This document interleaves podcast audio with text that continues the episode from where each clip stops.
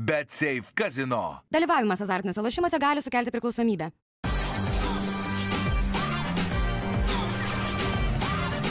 Švyturys ekstra - nealkoholinis. Gyvenimui su daugiau skonio.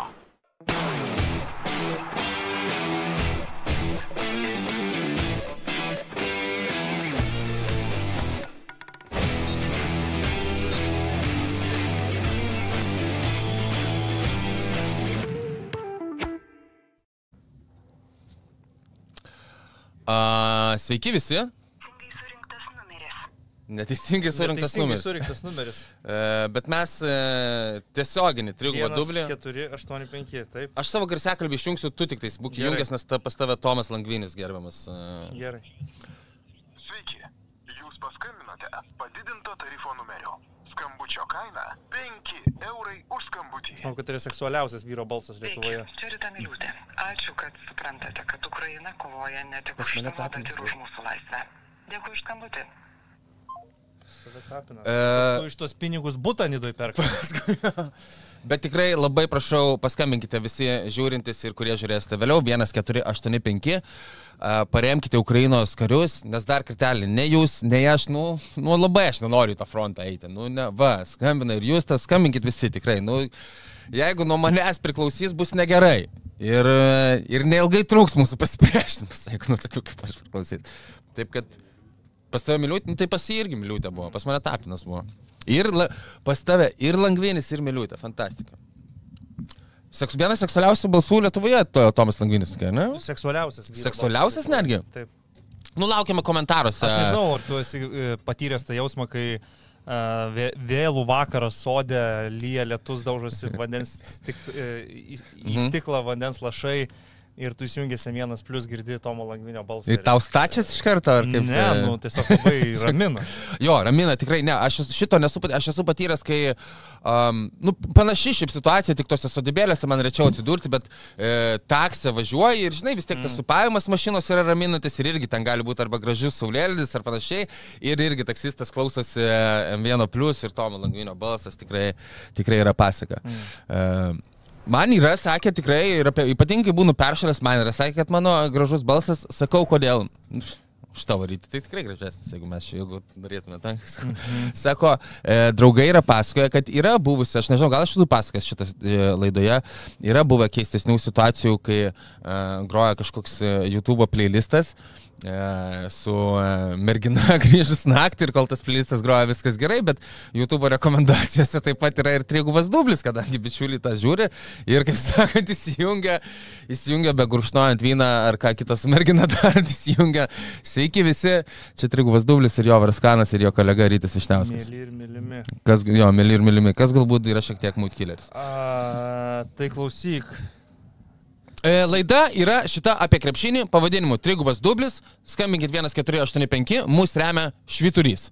Ačiū. Ir Švyturys pas Valant Hovant. Ekstra nealkoholinis. Taip. Taip. Stenkis visą laiką daryti taip, kad negautumėm baudų už nieką, ką mes darom, reklamuojam ir sakom. Ok, tvarka. Atkimš tau švytrio ekstra nealkoholinio. Nealkoholinio švyturio ekstros alaus, prašau man atkimšti. Galbūt turėsime Eindhoveno dienos PSV. Ar žinojote, kad Eindhoveno PSV fanais viešai save deklaravę yra tokie garsų žmonės kaip Maksas Verstappenas ir Michaelas Van Gervinas.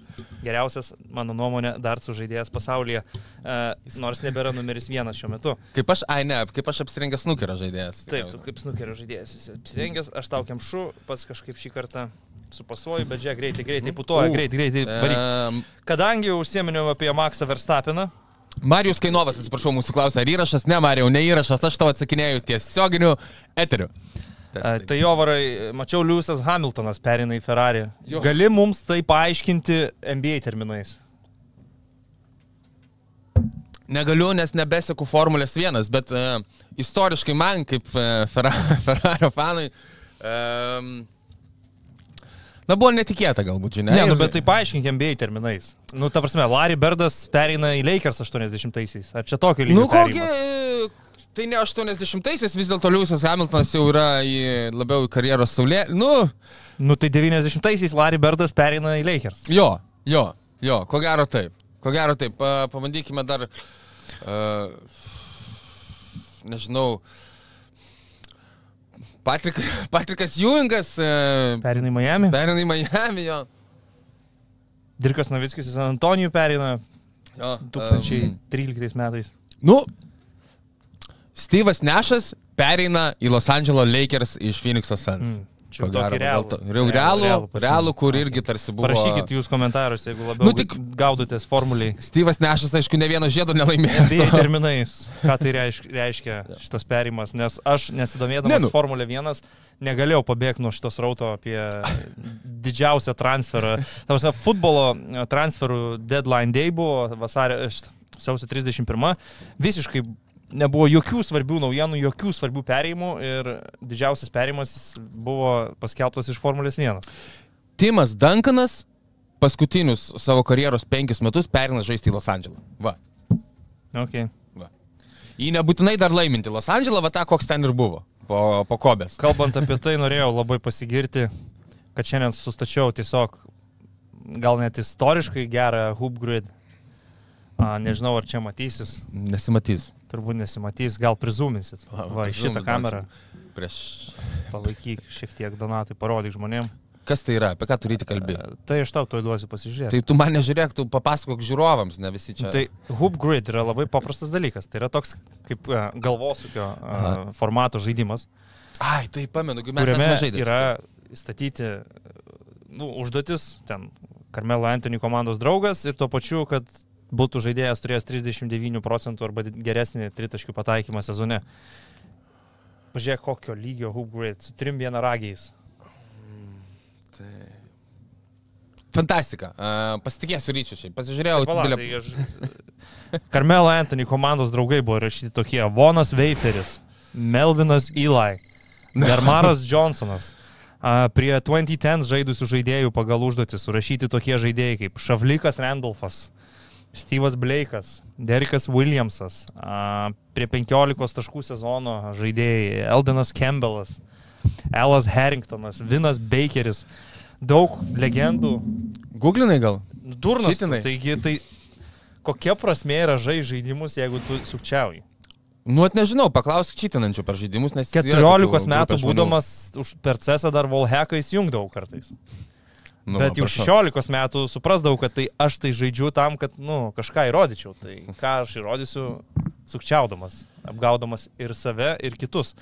Tai um, sukčiavimui ne, Gerai, ryti, gal galim, Googlinimui ne. galim prie šios savaitės temų perėti. Ar turi kažką tokį išgyvenimo šiek tiek? Visada turiu, bet... Nu, davai, nu. Ne, tai- Apribokim tave penkiom. Taip, pereik.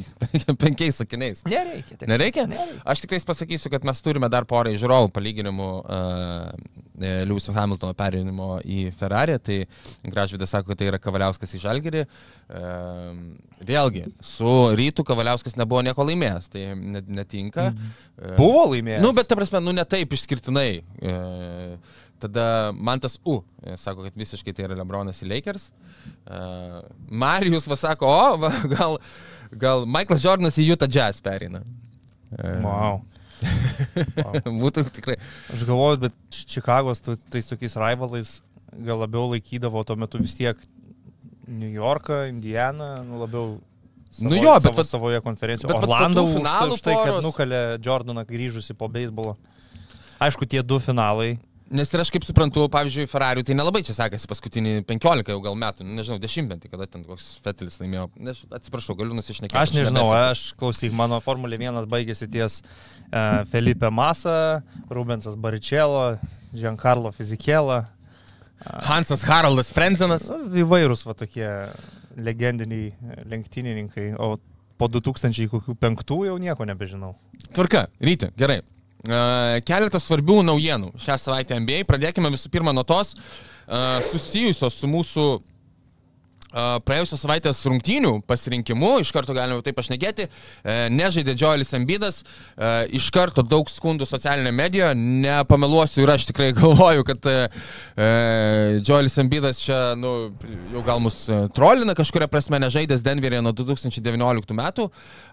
Bet paskui jis nežaidžia ir dar vienose rungtynėse dėl kelio skausmų prieš Indianą berots. Tada jisai žaidžia su Golden State Warriors ir ten atrodo, nu, šlubuojantis, susižeidęs žaidėjas kažkodėl yra aikštelėje, kol galų galę dar ant jo kelio užgrūna Jonathan Skaminga.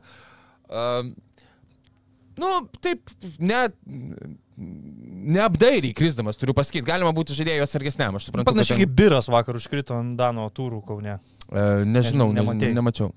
Tai taip vis laik žiūri žalgerį, Ne visą laiką žiūriu žalį. galvoju vis laik žiūri. Uh, tai, uh, ir tai irgi neatsakingai taip šiek tiek krito. O kaip neatsakingai, nu, ten ne, tiesiog nedėkingai gal Nedėkingai. labiau man tiktų žodis. Nu, man Bet- bet- pasirodė, kad kažkaip Jonathanas gal galėjo pasisaugoti labiau, pasaugoti uh, varžovo kelią, bet žodžiu, užgriuvo uh, Auč kaip ant Džiolio Ambido ir tada dar rimčiau bešlūdžiamas Džiolis Ambidas uh, paliko aikštelę šią naktį. Šiam Šaranė visų pirma pranešė, kad Džioliui Ambidui plyšęs meniskas, tada po poros valandų biški informaciją patikslino, kad galbūt nebūtinai taip tragiškai plyšęs meniskas jau garantuoja, kad tu, nu, bent žiūrint ten, kaip jį gydys, yra įvairių, įvairių būdų, ar jį ten visiškai jisai nuplyšęs, ar nukerpa, aš nežinau, ar nu, nu, nudildina ten, whatever. Uh, tai Ne, gali pa, pa, paprasčiau tariant, tai galima operuotis tą meniską. Galima iš esmės, tu gali žaisti su plyšusiu menisku, bet tau reikės tarp rungtynių skyščius nusitraukinėti pastoviai nuo kelio. Labai tai yra nerekomenduotina. Ir, Ir ypatingai kitokio dydžio gal žmogus esi dar, ar ne? Tai yra įmanoma, bet tai tikrai yra nerekomenduotina. Tai va, tai, tai nėra aišku, kas tiksliai nutikė. E, dabar sako, na, laukia tyrimų rezultatų, tai nebūtinai, sakau, nuplyšęs meniskas, nebūtinai tai truks, nebūtinai tai reikės žaisti per skausmus, arba nebūtinai gyjimas truks 4 ar 8 savaitės, matysime, bet, nu, ne fantastinės žinios. E, iš kitos pusės nėra netikėtos žinios, e, kai tai yra su Džioliu Ambidu, šiaip yra gan, gan įspūdinga, kad jisai per paskutinius penketą metų yra sužaidęs tiek tų rungtynių, kiek sužaidęs, žinant e, jo problemas, su kuriomis jisai atėjo į lygą. Um, aš kažkaip galvoju, kad čia gali būti e, ir taip e, angliškai išreišksiu blessing in disguise. Uh, nors Džiolis Ambidas komentavo kartu su Niko Nersu, kad jokios įtakos nedaro ten 65, minučių, 65 rungtynių limitas, norint pelnyti, norint pelnyti tam tikrus apdovanojimus, jo sprendimams žaisti ar nežaisti tam tikrose rungtynėse. Na, tas vaizdas, kad jisai ten šlubuojamas, šlub, šlubšiojantis žaidė paskutinės dvi rungtynės ir mes žinome, kad dar prieš tai, netgi prieš pelnydamas 70 savo taškų buvo su ta kelio trauma. Aš kalbėjau, kad Ramono Shelburn sakė, kad čia ta pati trauma, kuri vasarą jį ten išmušė keliom savaitėm, aštuoniom gal net savaitėm iš, iš rungtynių ritmo. Žodžiu, kad galų gale gal šitą traumą jį privers pasilsėti. Komanda turi vis tiek savyje pakankamai spirgumo, ką įrodė ir 51 tašką šią naktį pelnydamas Teirysas Meksį, uh, nugalėdami Utah Jazz ir Bedžiolio Ambido, na, taip palaviruoti ties 50 procentų pergalių pralaimėjimų balansu, kas gal leistų jiems išvengti play-in turnyro ir Džiolis Ambidas galbūt grįžtų į aikštelę iki atkrintamųjų sveikas. Kaip tu galvoji? Ne, tai apie, play, apie play-in turnyrą čia net, net Nu, jie dabar kalbėti aš ten- nenorėčiau. Tai aš manau, kad jie ir be Džolio Embido nėra blogesni už uh, dalį komandų, kurios yra šiuo metu play-in turnyre. Nu jo, bet jie dabar penkti. Uh, Indiana gali vytis, Miamis gali vytis, ar ne? Yra ta rizika. Ypatingai jeigu jiems, nu, Tai yra, bet aš kalbu, kad nu, tikrai aš jų nenumešiu į play-iną, net, net jeigu jie žais likusią sezono dalį be Džolio Embido.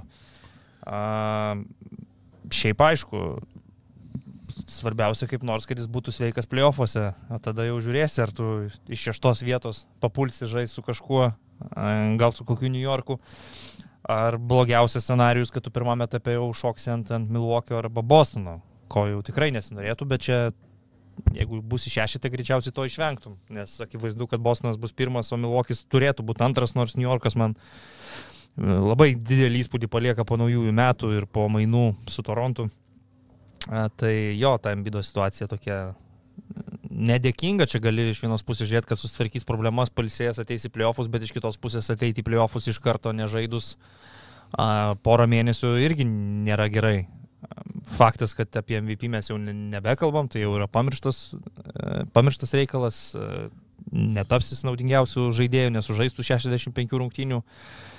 Nikola Jokičius Kojalo užrakina apdovanojimą šitą. turėtų, nors galima kelt bylą. e, Man patinka labai išversti tiesiogiai šitą išsireiškimą dėl, tarkim, Luka Dončiaus, kuris nu, neša tą komandą ant savęs ir, ir kažkas gal sakys, kad neša nepakankamai toli, bet ko tu tikiesi iš to dalas. Aš manau, kad jeigu jisai nuneštų tą komandą iki šeštos, tarkim, vietos reguliari- reguliariojo sezono finišė su tais rodikliais, kokius jis fiksuoja, jis galėtų pretenduoti MVP. Galim kalbėti kažkiek apie šiai Gildžis Aleksandrį. Galėsim apie tai, galėsim apie tai Bet- paskui bet pasikalbėti, kad kaip... e, Favoritų, akivaizdžių, tampa Nikola Jokičius, tai faktas. A, Dabar prasidėjo tos, man atrodo, kvailos diskusijos dėl a, kriterijų 65 rungtynių ir, ir kai kurie žaidėjai be jokių argumentų tiesiog pasako, čia nesąmonė. Tiesiog, va, va čia nesąmonė. Tarysas Halibartonas sako, absurdas. jo. Tai kokie tavo argumentai? Kodėl, kodėl absurdas? Tai kodėl tada ką MVP gali tapti bičias, kuris sužaidė 40 rungtynių? Labai gerai sužaidė 40 rungtynių, bet likusių 42 nežaidė. bet bus MVP, nes nu žiauriai gerai tas 40 atrodė. Tai man atrodo, e, dalis MVP apdovanojimų ir yra tame, kad tu buvai stabilus, kad tu buvai stabiliai geras, kad su tavim komanda laimėdavo, o ne laimėdavo, kai tavęs nebuvo. Tai aš manau, kad 65 rungtynės yra normali riba ir reikėtų turbūt kelt archyvus, ar yra buvę nelokautiniuose sezonuose, kad net ne, neįstačius tų taisyklių taptų MVP žaidėjai, kurie nesužaisdavo. Yra, Bilas Voltonas sužaidęs panašiai 59, man atrodo, tapo vienu mažiausiai. e, Bet taip, čia sužaidęs. mes kalbam, akmens amžiuje buvo. Nu, taip, taip. Ten, kai 70. krepšinį kojomis žaisdavo ir, ir galvą baudas mesdavo. Niekas nematė to krepšinio, gi nėra medžiagos filmuotos, nuotraukų nėra, dar nebuvo išrastiniai fotoaparatai, nei kameros. Jo, 77-78 Nu, metų. tai nebuvo tais laikais, tai ta prasme, dar galim kelt klausimą, apskritai žmonija egzistavo tokiais metais. E, Taip, jisai buvo sužaidęs 58 rungtynės, kai tapo... e, Nu, bet tai kiti laikai buvo, jisai ten, ta prasme, po darbų visi jungdavosi, jisai hipis buvo apsirūkęs, žaisdavo visada. Taip, taip, taip, ne, tai aš sakau, kad tiesiog precedentą, precedentą, precedentą turime. Na nu, gerai, prezidentą turim 77 metais, va, prašau. Nu, taip. Kažkoks e, sekantis mažiausias žaidėjas irgi buvo, man atrodo, 60 kelios rungtynės, bet aišku, daug. Jo, bet yra lokautiniai, pavyzdžiui, sezonai. Nu, tai čia, čia kita Tai kalba, aš apie tai nešneku. Aš apie tai nešneku.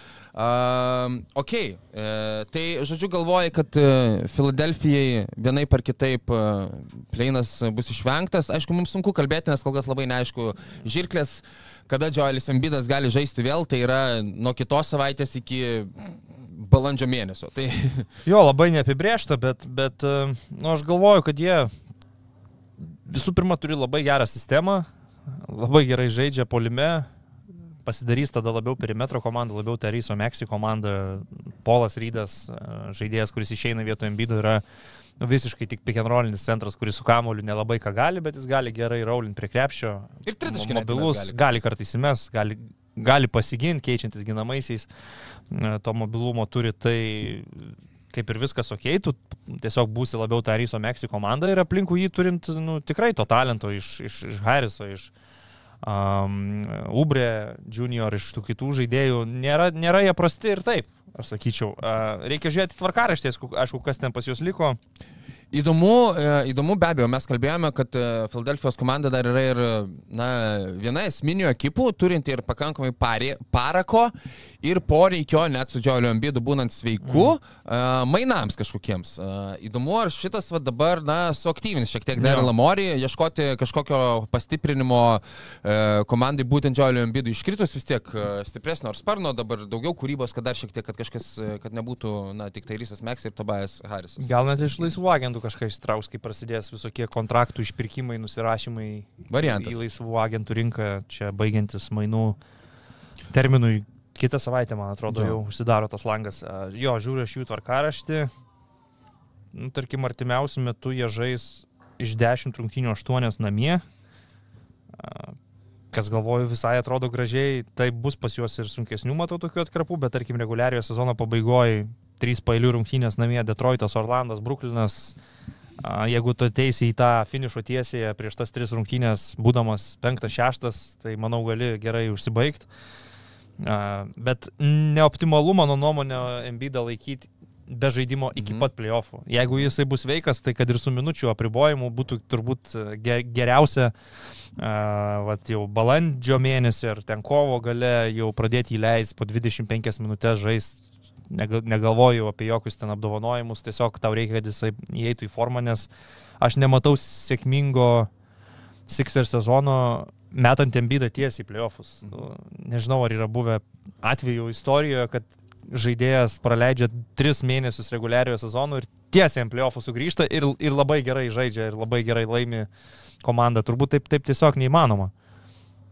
Aš neturiu ko pridurti šitų klausimų, tikrai man irgi uh, top of mind niekas neteina, kad būtų panašiai su, sugrįžęs ir būtų viskas tvarkoje.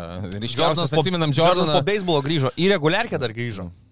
Sužaidė reguliarkę, bet nu playoffuose ten nebuvo tas Jordanas. Dabar pasižiūri įrašą uh, tų rungtynių, tarkim, su Orlandu, kaip jisai juda aikštėje ir kaip jisai judėjo kitą sezoną, jau pasiruošę žaisti krepšinį vis, visam sezonui. Tai yra vienoj pusėje matai gal ten 60 procentų Jordano, kitoj pusėje matai tikrą Jordaną. Tai um, nu, tiesiog reikia, reikia turėti tą ritmą ir, ir žaidimo praktikos prieš playoffus.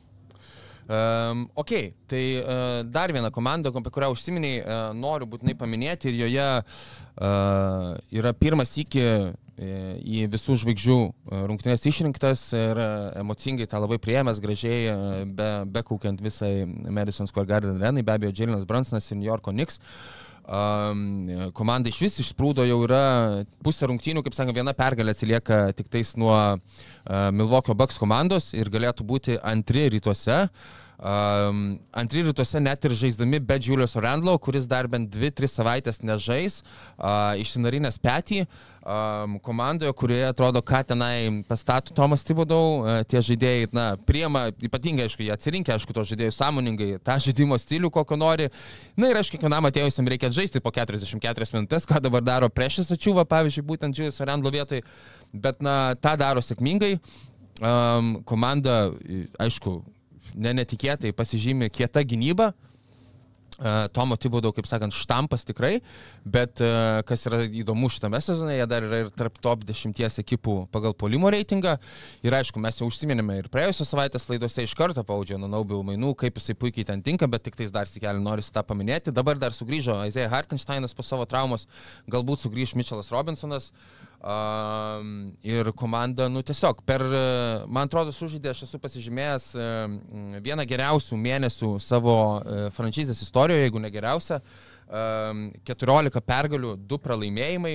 Um, sausio mėnesį uh, Jalinas Bransonas turi iš viso per tą mėnesį plus minus rodiklio plus 256. Uh, tai yra tik tais uh, mažiau už uh, Scotty Pippeną, kuris lapkričio mėnesį 96 metų turėjo plus 272 ir daugiau už Stefą Curry, kuris tą patį lapkritį turėjo plus e, 215 metų plus 255. Nu tai Raulina, žodžiu, ekipa. Atrodo visgi, kad kažkokios e, žvaigždės dar jiems gal trūktų arba kad Juliusas Randlas stabiliai gerai žaistų polime, kad mes gal juos rimtai vardintume kaip pretendentais į kažkokį čempionų titulą, bet kad su jais bus nemalonu žaisti bet kam, bet kuriame raunde, kad ir, kad, ir, kad ir kur jie būtų rytuose ir kaip ten viskas sukristų, tai, tai tikrai faktas.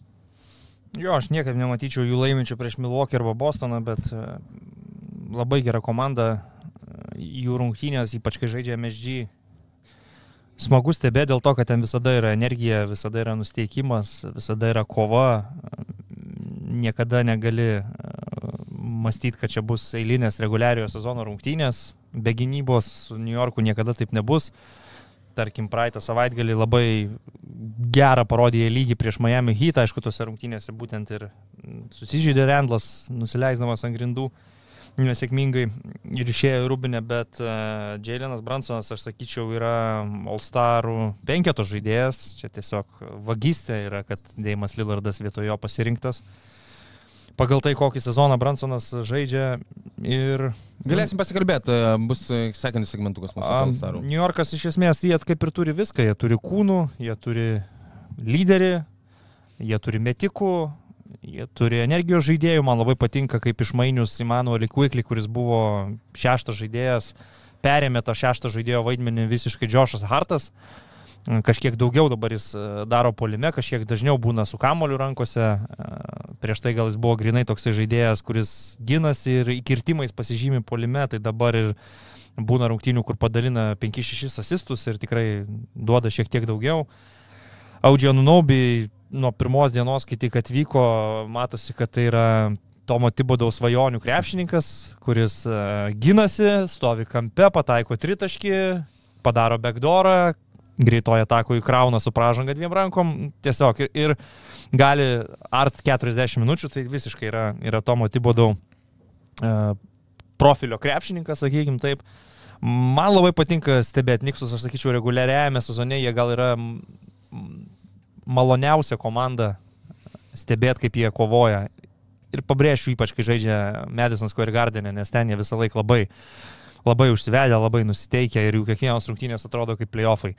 Bet bendrai paėmus serijose, man tos kokybės pas juos dar nepakankamai, kad jie galėtų iki keturių pergalių nu, nu, nugalėti žvaigždžių komandas ir tos žvaigždžių komandos iš esmės yra dvi, trečia Sixeriai, jeigu Embidas mhm. būtų sveikas. Bet kurią kitą komandą rytuose jie gali įveikti.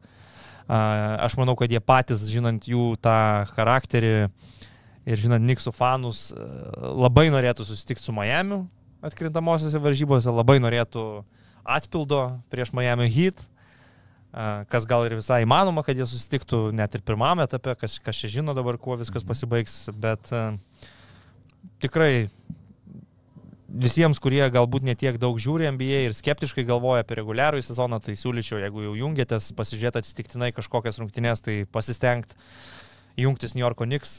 Savaitgaliais jie dažnai žaidžia popietės laiku, tai pas mus būna apie 10 vakaro ir labai patogu būna pasižiūrėti ir, ir taip gaunas, kad šį sezoną Knicksų labai daug ir mačiau ir komentavau. O Dželinas Bransonas tai tiesiog yra tapęs širdžių čempionų. Aš net nežinau, ką pasakyti. Tai yra uh, underdoginė istorija žaidėjo, kuris, nu, į lygą atėjo kaip geras, talentingas krepšininkas, kuris gali būti pagalbinis vaidmens žaidėjas tuo, Septintas, tuo, tuo, tuo metu Dalaso komandoje. Bet žinom tą jo proveržį Dalase. Tada jisai gauna vasarą milžinišką kontraktą iš New Yorko Knicks ir vis tiek sukasi kalbos, kad nu, du mėnesius gerai žaidė už Dalasą, tai dar nereiškia, kad čia vertas yra tokių pinigų ir čia greičiausiai Knicksai permoka ir desperatiškai pasirašinėja žaidėjus, norėdami ras žvaigždės į savo komandą, bet jau pirmam sezonui jis į savo žaidimų rodinėja, kad yra vertas tų pinigų. Antram sezonui aš sakyčiau, įrodinėja, kad yra vertas dar daugiau pinigų, nes šiuo metu tai yra su Tary, su Halibartonu du geriausi perimetrų žaidėjai rytų konferencijų, mano nuomonė. Toksai šūvis. Nu, e... ne, nemanau, kad čia kažkas labai kontroversiško, nu. nes Lillardas stringa, O kas daugiau, Tarysas Meksas gal dar, dar ne to, gal, gal šiek tiek per anksti, bet jisai galimai irgi bus, bus nu, šitoj diskusijai. Aišku, tu e, Teitumą Brauną laikai jau tada sparnai. Nu, mes kalbam apie juos kaip apie, jau ir Alstaros, jau tu juos renki kaip polėjus. Nu, tai, nu, taip. Apsibrėžiant savokas, turim, turim taip. Galvoju, net ar dar galėčiau ką nors prit. Nu, e, Donovanas Mitchellas, ko gero, turi savų argumentų su šita atkarpa paskutinė Clevelando, kurie irgi, tarp kitko, reikia paminėti. Uh, bet žinai, devynios pergalės per dešimt rungtynių, bet jau jie prieš silpnesnius. Nestatistiškai lyginto, grinai iš to, ką aš matau mm -hmm. aikštėje, tai aš visą laiką eičiau su Bransonu, nes man Džiailinas Bransonas, aš kai žiūriu, kaip jisai žaidžia, jis turi tokį uh, kiemo krepšininko mentalitetą, kuriam niekada nebūna nesvarbu ir kuris visada nori žaisti ir visada stengiasi. Got a dog in him. Jis toks visą laiką atrodo truputį susiraukęs, truputį nepatenkintas. Jam labai nepatinka, kai būna kažkokios peržiūros į žaidimo stabdymai nes jisai nori žaisti. O čia savas. Jį, jį, jį, nu, kartais aš jį žiūriu, aš jį atsimenu Filipinuose, kai komentuodavau JAF rinktinę, iš arti žiūrėdavau Bransoną per apšilimą, per rungtynės, po rungtynių. Jis man atrodo toks bičias, kur kai baigėsi rungtynės, jis yra susipiesinęs, nes jis dar nori žaisti krepšinį. Čia kaip, nu, vad grinai būna kieme tokių bičių, kurie sužaidėm penkias partijas ir sako, nu, viskas, varom namo, bet jisai dar nori, nes... Nu, ka, davai, davai, dar nori. Davai, nu kas, lošim, kas davai, yra? Supažydžiam, nu gerai, pavargę žaisim, pavargus. Tai, tai čia yra Jailinas Bransonas. Pas Donovaną Mitchellą aš to ne, nematau ir nejaučiu. Man jis vis tiek yra iš tos kategorijos žaidėjų, kur kartais aš leisiu savo atsipalaiduoti, kartais sužaisiu lengviau truputėlį. Aišku, kai jisai užsiveda irgi, tai yra žmogus, iš kurio tu gali tikėtis 50 taškų ir, ir ferverkų, bet, bet Bransonas man kiekvieną naktį, kiekvieną dieną yra žaidėjas, kuris atiduoda širdį aikštėje. Tai va tuo aspektu man jisai palieka įspūdį didesnį nei, tarkim, Mičelas. Žiūrint į tą Rysą Meksą, aš irgi truputį to matau ir jaučiu iš, iš jo pusės. Tik jisai laimingesnis. Jisai gal kol kas atrodo, kad labai dar fainas žaisti tą paauglys dar šiek tiek. Žaiskim, jisai nenori šitį iš aikštelės, jis jam, žinai, smagu ir turi energijos visą laiką. Nu gerai, kad jis su Hardinu ilgiau nepabuvo, vienų metų pilnai užteko turbūt.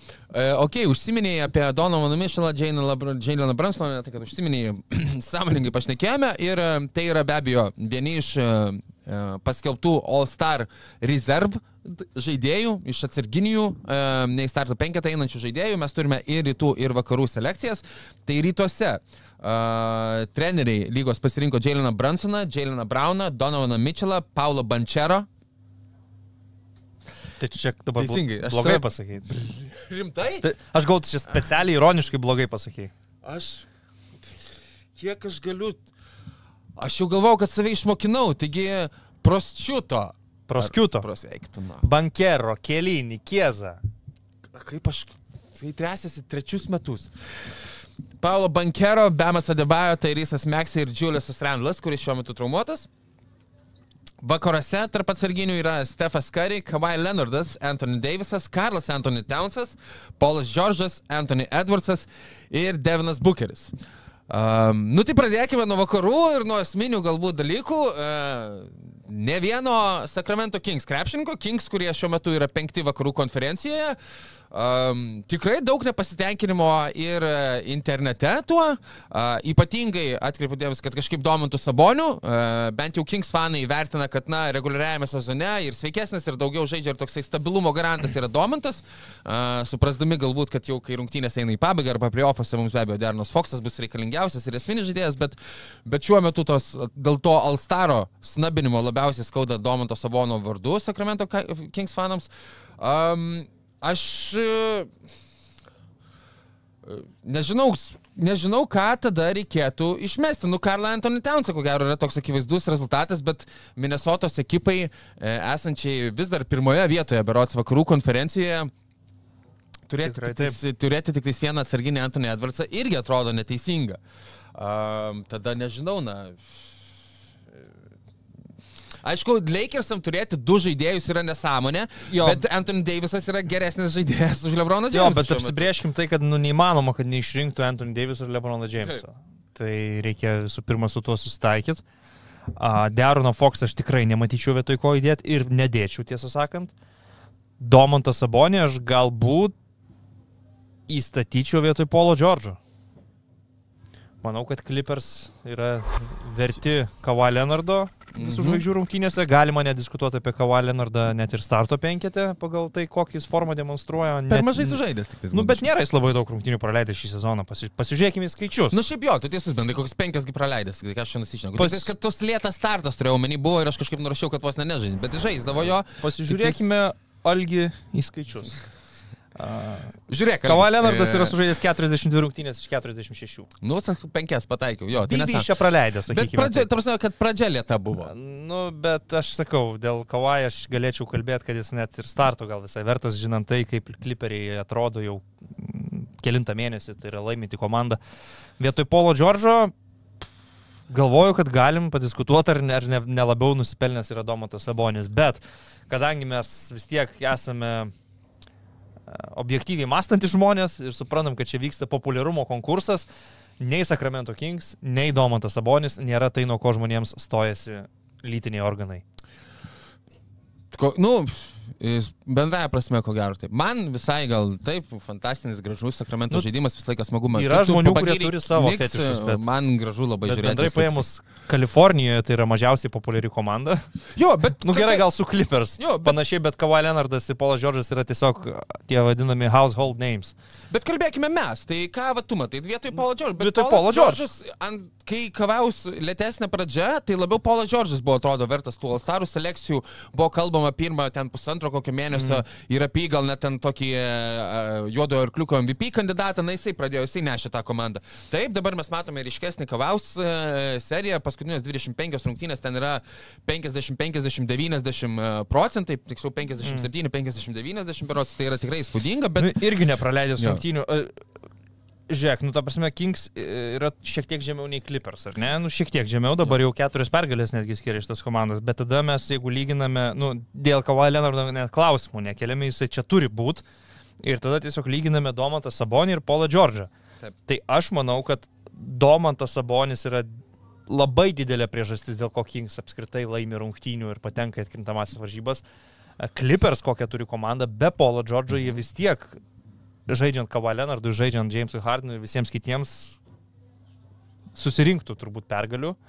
Manau, kad Sabonio tiesiog įtaka jo komandai yra šiek tiek didesnė, tai yra skirtingų vis dėlto pozicijų žaidėjai, nors abu yra balsavime kaip polėjai, bet, taip. nu, jeigu taip jau klasikiniam pozicijom vadintai, Polas Žoržas yra antras brūkšnys trečias, o Domantas Sabonis yra ketvirtas brūkšnys penktas, bet realiai tik tai penktas. Tai Sabonio skaičiai yra 20 taškų vidutiniškai per rungtynės, 13, 20, 13. 13 atkotų kamuolių, 8 asistai, tai yra beveik trigubo dublio vidurkis. Polas Džordžas kaip skoreris net nežaidžia savo karjeroje labai išskirtinio sezono, turėdamas 23 taškų vidurkį. Dabar daugiau kur dalintis ką. Pataikymo procentai geri, jokių čia problemų, 41 procentas iš 3 taškų zonos. Idealiu atveju aš juos abu du dėčiau į visų žvaigždžių rungtynės, bet nu vietų kiekis yra ribotas, Lebronam ir Deivisam vietos yra rezervuotos. Nu ir turim tokią situaciją, kad Domantas Sabonis jau trečią kartą karjeroje į All Starus gali patekti nebent tuo atveju, jeigu kažką reikės ten pakeisti. Kas be abejo yra realu, turint omeny, kad e, tarp rezervų yra, kaip ir minėti, jau Kawhi Leonardas, Anton Davisas, e, žaidėjai mėgėjai su porcelianiniai šiek tiek tokie iškristi, tai, tai tikrai, kaip sakant, nenusteptume ir, ir gali būti. Aišku, būtų buvę smagiau tiesų taikymų ten, bet e, ir manau, kad tikrai sąraše e, Domantas Sabonis, ko gero, yra pirmas už brūkšnio. Mes ten turėtume mm. Diarno Foxą dar, e, apie Rudy Goberą buvo kalbam, bet jau trijų Minnesotos tikrai niekas netrauktų net iškritus. Jo, čia labiau e, tada tik tai sprendė, ar jo. Gober, ar, ar Kata no, Jo. nori, nori turėti.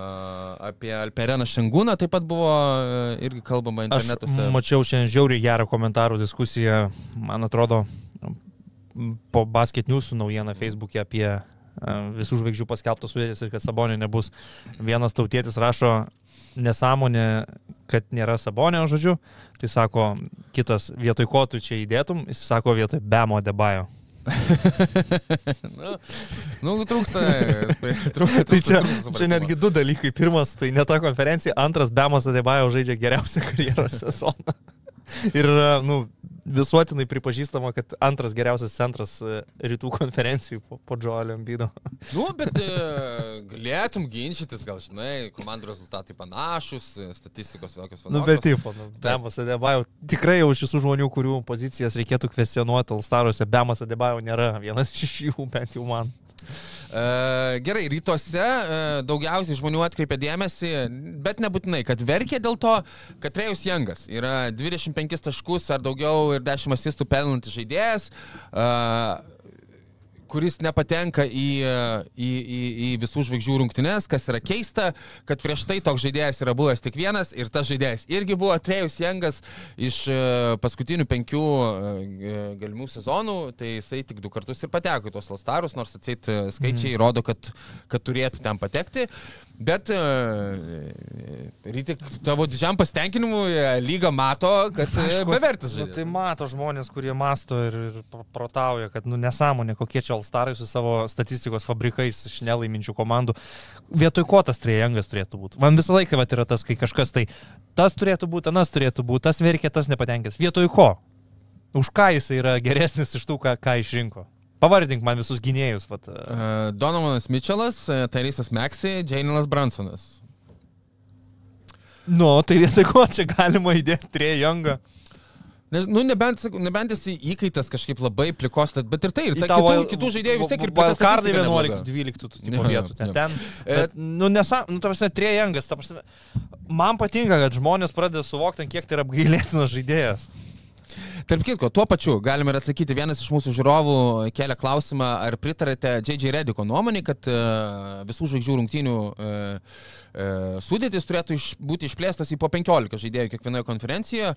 Ir aš, aš manau, kad Taip, aš nežinau, gal istoriškai nėra tai teisinga, bet nepritariu. palyginus, kad bet talento yra lygoje daugiau negu bet kada. Ir kartais žaidėjas, žaidžiantis labai puikų sezoną, nebus įamžintas istorijoje dėl to, kad jam pritrūko vietos. Ir, uh, Žiūrėk, aš tai visiškai, Galbūt- visiškai nepritariu, ta prasme, aš galvoju, kad um, tai, kad tave išrinko visų žvaigždžių rungtynės, vis dar turi turėti kažkokį išskirtinumą. Nu, ir kuo tu labiau praplėsi tą sąrašą, tuo mažiau tai bus iš, iš, išskirtinis dalykas.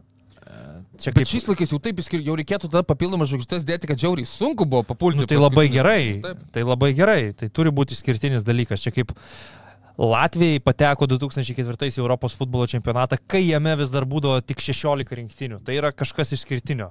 Kažkada, kai praplės Europos futbolo čempionatą iki 40 rinktinių ir mes ten pateksim, nu tai jau nebus taip ypatinga. Uh, tai manau, kad viskas yra gerai su 12. Nieko čia nereikia praplėsti. Tai, kad lygoje dabar yra išskirtinai daug talento, vis dėlto yra subjektyvu. Sakyti, kad dabar yra daugiau nei... Aš sutinku su tuo, bet tai nėra objektivus. Nu, negali Be- paskaičiuoti tai, tai yra talento subjektyvu. kiekio. Tai gal po dešimt metų vėl mažiau bus talento. Tai ką tada kalbėsim, kad sutraukti iki 8 Alstarų? E, aš manau, kad krepšinio komandų registruojama yra 12 žaidėjų, tai 12 žaidėjų turi būti visų žvaigždžių rungtynėse, tu turi tai išsikovoti, tai turi būti kažkoks išskirtinis pasiekimas, pripažinimas, kuris, nu, priverčia tave jaustis ypatingu.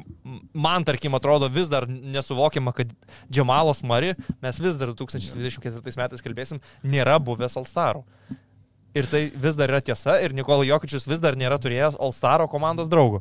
Kuris e, tuo, tuo pačiu sezonu yra. Bet akivaizdu, kad pagal tai, kaip žaidžia Džemalas Mari, tai jeigu čia kažkam Trėjaus Jango trūksta Alstaruose, tai Džemalas Mari už Trėjų Jangą yra visokiojopai geresnis krepšininkas.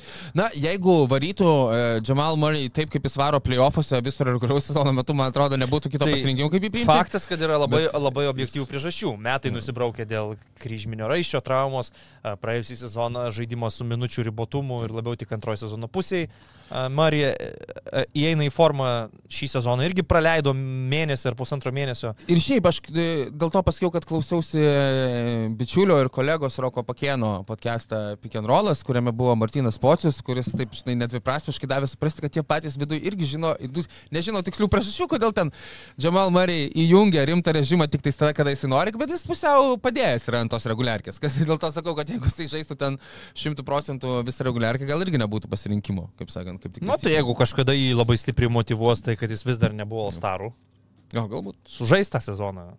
Bet šiaip tikrai. puikus Šiaip, kad tok, tokio lygio žaidėjas, jeigu per visą karjerą niekada nebus Alstarų, tai a, kažkada per... A, Taip, bet va, gal ir bus, bet matai, tada bus tas skaudulys, kad galėjome iki 15 išplėsti ir tokie Džamalai Mariai bent būtų įrašyti Nebus jokio skaudulio, nereikia nieko plėsti, nereikia gadinti šito dalyko.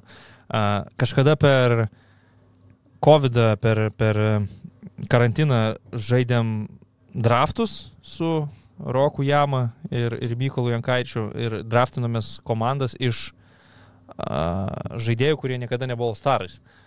Nu, tai tiesą sakant, ten pavyko prisirinkti visai rimtų bičių, kur ties kai kuriais net nustembi, kad jis niekada, niekada nežaidė visų žvaigždžių rungtynės ir nebuvo išrinktas. Tai man tai yra gerai, kad kartais vat, bus taip, kad labai geras žaidėjas buvo labai geras, bet ne tiek.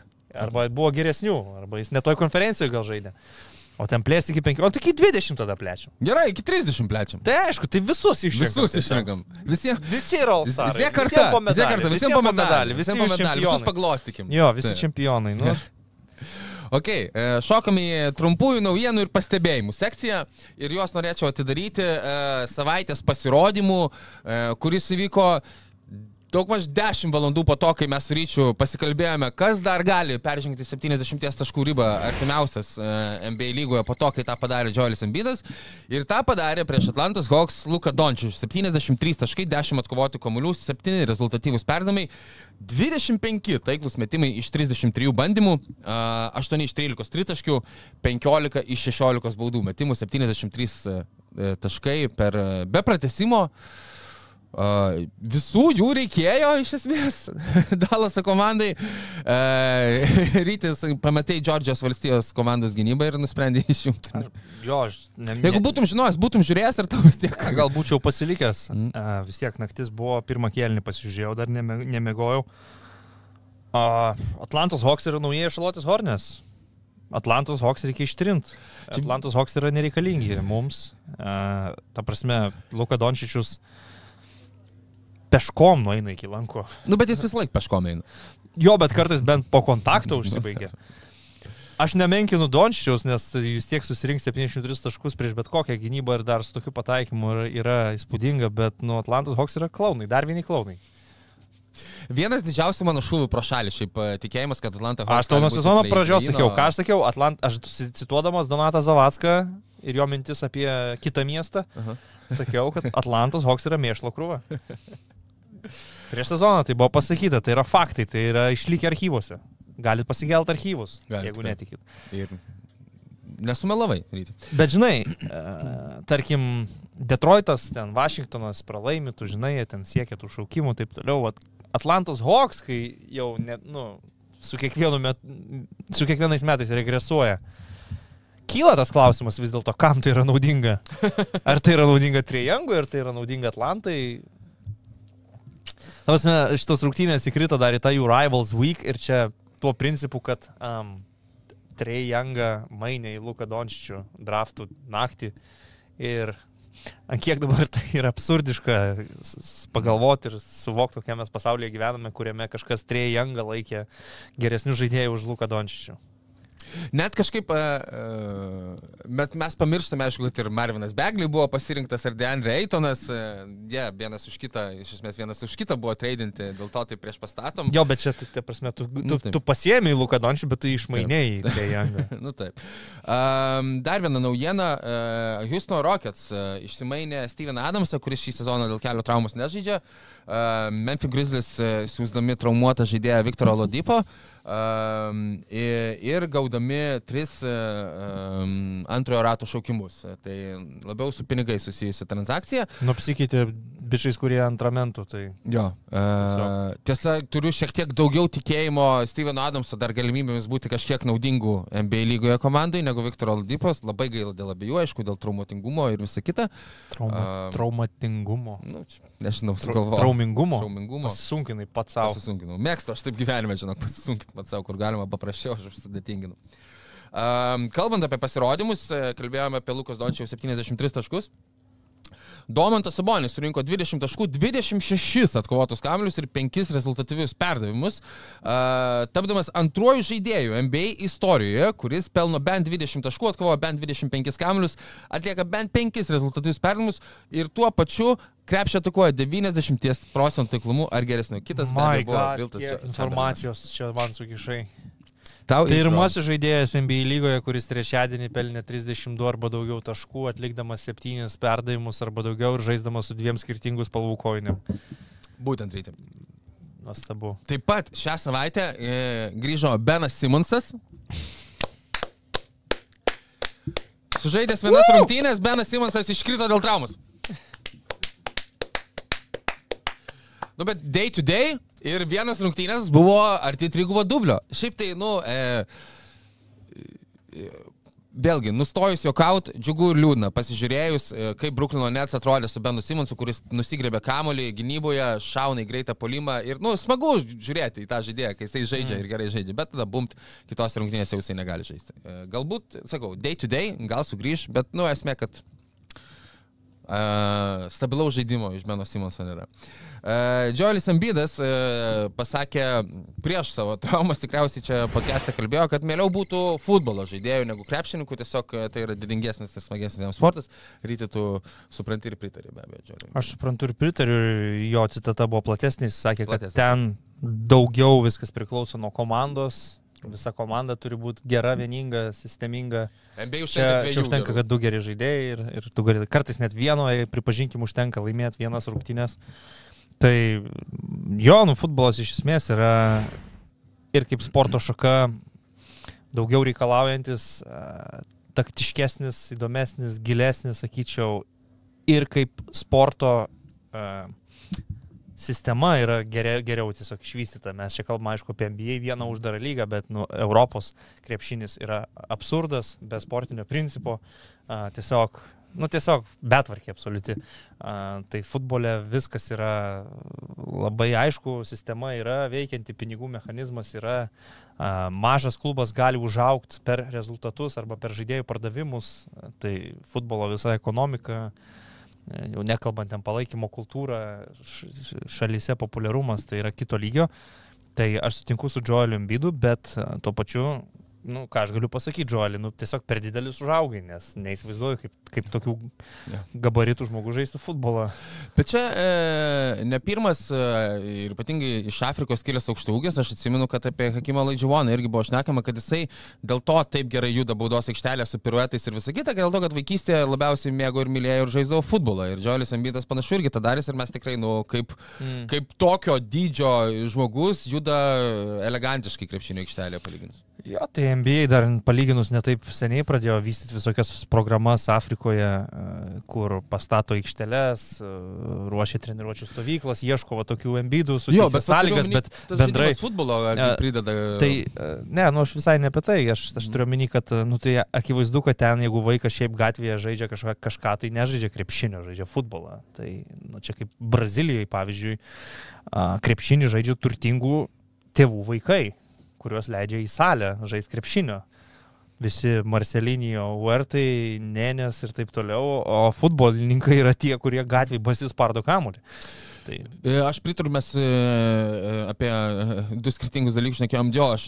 Ar- ar- ar jo, ar futbolo jo, ar prideda žai- kažkaip tos Oi, vat, aš- aš koordinacijos, nežinau, man- galbūt, žinai, gal man čia yra tokie- galėtų pakomentuoti. Niekas čia negalėtų, čia abstraktus ir neišmatuojami dalykai, čia kaip Steve'as Keras kažkada pasakė, kad jisai žiūrėjo Barceloną ir pagal jų tikitaką pradėjo žaisti jo, jo Golden State Warriors. Nu, kaip ten palyginti Busketso ir Iniesto senelės su Dreymondo Grino Give and Go su Stefu Kari, aš nežinau, bet galbūt tie didieji genijai protai iš tikrųjų mato tokius vat, Man atrodo, 3D trečiajame... 3D šachmatus. Trečiajame Ted Lasso sezone e, jisai e, trip, galvojo, kad tripina ant narkotikų ir, ir jam nušvito, kaip sakant, e, tikitako schemos ant, ant lapų ir jie tai pradėjo žaisti. Ne, šiaip iš esmės tai bet koks įgūdis, kurį tu turi, tau, nu, kaip ir nekenkia. Čia kaip Dainius Šalinga ilgai išsilaikydavo ore dėl to, kad rankinį žaidė visą laiką ir, nu, va, tiesiog išmoko ilgai išsilaikyti ore su kamoliu pašokęs. Tai, aišku, bet kas, ką tu išmokai, gali būti turbūt naudinga tau ir kitoj srityje. Nu, tai mes kalbam vis tiek apie, apie fizinius dalykus, apie sportininkus, atletus. Tai jeigu tu moki žaisti futbolą, tai tau nepakenk žaidžiant krepšinį greičiausiai. Ok, e, su Memphis Grizzlies e, aukšto ūgiais susijusios naujienos ties Stevenu Adamsu nesibaigia. Taip pat e, šią savaitę Markui Gazoliui paskelbus apie karjeros pabaigą, e, Memphis Grizzlies ekipa taip pat suskubo pranešti, kad Marko Gazolio 33 numerių pažymėti marškinėliai bus iškelti į Memphis arenos palubės. E, Markas Gazolis be abejo turėjęs tikrai neblogų e, atkrintamųjų varžybų ranų su Memphis Grizzlies ekipa, pelnęs geriausiai besiginančio žaidėjo titulą, atstovaudamas tą ekipai. Um, tikrai, tikrai ryškų pėdską ten palikęs. Šaunuolis Markas, nuostabus žmogus, nuostabus žaidėjas. Smagu, kad už, užbaigė karjerą savo klube, Žironui. Mhm. Ir Memphis privalo tiesiog pagerbti jį, nes nu, jis iš esmės buvo, sakyčiau, ašis tos geros Grizzlių komandos, kuri taip ir nenuėjo iki NBA finalo, bet pastoji buvo labai labai konkurencinga. Buvo komanda, prieš kurią varžovai tikrai nenorėdavo eiti eit žaisti. Markas būdavo renkamas geriausiai besiginančių žaidėjų lygoj. Tai dar vienas centras iš tų kategorijos turinčių akis pakaušyje, matančių aikštę, dalinančių Sabonio Jokičiaus pernaimus. Kaip galvoja, ar yra šansų, kad e, Memphis e, e, ir Paugas Olio marškinėlius iškeltų ir, ir, taip, ir tai būtų įdomus atvejis, kai dviejų brolių marškinėliai iš esmės dar beveik tuo pačiu metu žaidus MBA lygoje visą Nu, laiką. kodėlgi ne, ta prasme tikrai nėra kažkokio pykčio tarp Grizzlių ir Pau Gasolio. Galbūt Pau tiek daug nenuveikė su šitą komandą Vancouveryje ar Memphyje. Gal jisai jau, kai atvyko, jau Memphis buvo. Jo, e, to, ne- atsidaręs nebebuvo Vancouveris. esu. Jo, Memphis A, nuo, nuo, nuo, Nu, bet žinai, nuo pat pradžių. a, iš, iš dalies yra taip, kad jeigu nebūtų Pau, nebūtų gal ir Marko. Taip, taip, beje, jo, reikia komandoj, atsiminti, kad e, mainų keliu atėjo vienas. Atsidūrė jis, nu, Leikeriai pasišaukė kažkur ten 40 kelintų šaukimų Marką Gasolį. PM ketvirtas, gal net aš patikrinsiu. Nelabai turbūt patys tikėdamėsi, kad iš jo gali būti kažkas. Tada buvo tiesiog Ir didelis tiesiog, nu, tai pridėsim į mainus, va, imkite gasolių, mes paimsim tikrą gasolį. tai... Kem aštuntą. Kiam aštuntas šaukimas. Ir, ir, ir realiai vargu ar apskritai kas nors įtikėjosi, kad iš Marko Gazolio bus uh, toks žaidėjas, nes kas jį matė Europoje ta- tais laikais, tai nu irgi atrodė, nu, stambokas, lietokas, nerangus, uh, tik tai pavardė, nes brolis tai žiauriai geras brolis yra žvaigždė. Gavosi taip, kad k- kai kuriais sezonais netgi kildavo diskusijų, kuris Gasolis yra geresnis. Na, aš vis tiek manau, kad Pau Gasolis buvo talentingesnis ir, ir geresnis žaidėjas, bet, bet Markas pasiekė neįtikėtiną lygį, neįtikėtinas aukštumas, IQ pas jį yra, nu, nerealus. Tai, nu, fantastika, kaip nereikalingas žaidėjas, kurį tu pridedi tiesiog kaip į mainus, kaip, nu, tiesiog detalė, paskui tampa žaidėjo, aplink kurį lipdosi komanda ir, ir komanda žaidžiančia vakarų konferencijos finaluose. Tai čia jau Markas viską tikrai pasiekė tik savo sunkių darbų, Ir niekada turbūt nėra lengva būti iš dalies ir savo nu, vyresnio brolio šešėlyje, kuris jau yra žvaigždė. Nu, Mhm. kiek yra pavyzdžių, kur yra vienas labai geras, o kitas brolis tiesiog Šiaip savo. žaidžia Jo, kaž, kažkokius kontraktus. Tanasis. Tanasis, nu, tai čia mes kalbam apie visiškai, visiškai kultinį žaidėją. Ok, savaitės pastebėjimų e, segmentą norėčiau uždaryti tokia įdo- įdomesnė istorija ir aš pabandysiu, pabandysiu aiškiai ją nupasakoti, bet man jinai yra be abejo ir labai jokinga. Um, Šią savaitę e, Džordžas Karlas e, e, socialinėje platformoje X, kitaip žino kaip Twitter, Tik taip ir žinoma. Tik taip ir žino, parašė tokį sarkazmo kupiną žinutę. Blemba, Andrei, turėdamas omeny Andrei Godalą, šį savaitgalį sueina 40 metų. Įspūdinga, aš girdėjau, kad laisvėje kurmiai gyvena 5 ar 6 tik tais metus. Kurmiai, mauls, e, iš anglų kalbos tiesiogiai verčiant, tai, nu, netiesiogiai, o suprasti, išdavikai, turėdamas labiau omeny, žaisdamas žodžių žaidimas, maul yra vienodai ir kurmis, ir, ir žmogus, kuris išduoda kitą. Ir e, Džordžas Karlas tai pasakė dėl to, kad e, jis yra įsitikinęs, kad e, Denverio Nuggets ekipai, žaidžiant su Golden State Warriors ekipa, playoffų serija, tuo metu Denverio Nuggets atstovaudamas Andrei Guadalą, Uh, išduodavo žaidybinius planus ir derinius Golden State Warriors krepšininkams ir trenerių štabui, su kuriais eidavo į bažnyčią sekmadieniais tų playoffų metu. Ir Andrei Godala, tiesą pasakius, niekarto taip nėra ir aiškiai paneigęs, kad ne, taip nebuvo. Džordžas Karlas pagarsėjęs šiaip savo tokiu um, pi, pi, piktumu, gal ant buvusių savo auklėtinių, ten yra apsižodžiavęs tikrai ir su Demarkusais Kazinsais. Džeris Smithas jį užblokavo. Šitas jį užblokavo. Bet šitas, šitas tikrai geras šūvis. Wow, girdėjau, kurmiai laisvė tik 5-6 metus gyvena, todėl Andrės Igodalo 30 metais yra įspūdingas skaičius. Ok, savaitės rungtynių rubrika. Gal nori YouTube komentarus pažiūrėti, gal kažką parašė gero žmonės. Tai parašy, tai pasižiūrėsiu, aš kars nuo karto žiūriu, žinok. Tu pažiūri, palaikai pulsą. Aš palaikau pulsą ir Laikai, mes gerai. būsime e, klausimų rubrikoje, tai turėsime ir iš, e, ir iš Instagramo, ką aš pasiėmiau, Gerai. ir iš žiūrovų. E, tai e, savaitės rungtynės e, rinkomės, kaip minėjau, Džoelis Embidas versus Nikola Jokičius, e, part 2 šio sezono ir part 1 pirmą kartą per penkerius metus nuo 2019 metų Džoeliu Embidui. E, Bet e, tai neįvyko, tiesa, atsarginiai be Joelio Embido ir be Tairiso Meksai palyginus davė tikrai, tikrai neblogą kovą Denverio Nuggets komandai, todėl Nu, per daug vis tiek neprašovėm, aišku, negavom to, ko norėjome, bet rungtynės vis tiek buvo visai įdomios pasižiūrėti. Taip pat atkreipiu dėmesį, kad šią savaitę daug kas, galbūt sezono rungtynėmis vadino uh, Golden State Warriors ir Los Angeles Lakers dviejų pratesimų trilerį Golden State, kuris, kur laimėjo Los Angeles ekipa.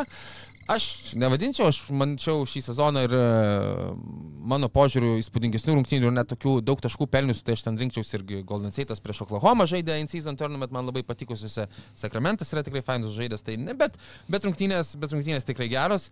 Uh, ir uh, tu rinkai tas pačias, man atrodo, praėjusią Ne, tai aš paivairinimų pasiėmiau Bostono rungtynę su, su Clippers, kalbėdamas apie tai, A. kad bus labai daug kokybės ir gerų žaidėjų, tai nebuvo Porzingio ir Bostonas pakankamai silpnai atrodė tiesiog ir pralaimėjo didelių skirtumų 19 taškų, tai nu, tikriausiai reikia pripažinti, kad nebuvo labai geras pasirinkimas. Kalbant apie tai, e, yra tokių įdomesnių ženklų, nes ir kita Los Angeles komanda atėjo be Anthony Daviso ir be Lebrono Jameso į Bostono namų aikštelę ir irgi juos atbeldė su Osno Reeveso septyniais tritaškiais. Tai šią savaitę. Tai e, stebėkite tiesiog, kaip Bostonui seksis toliau.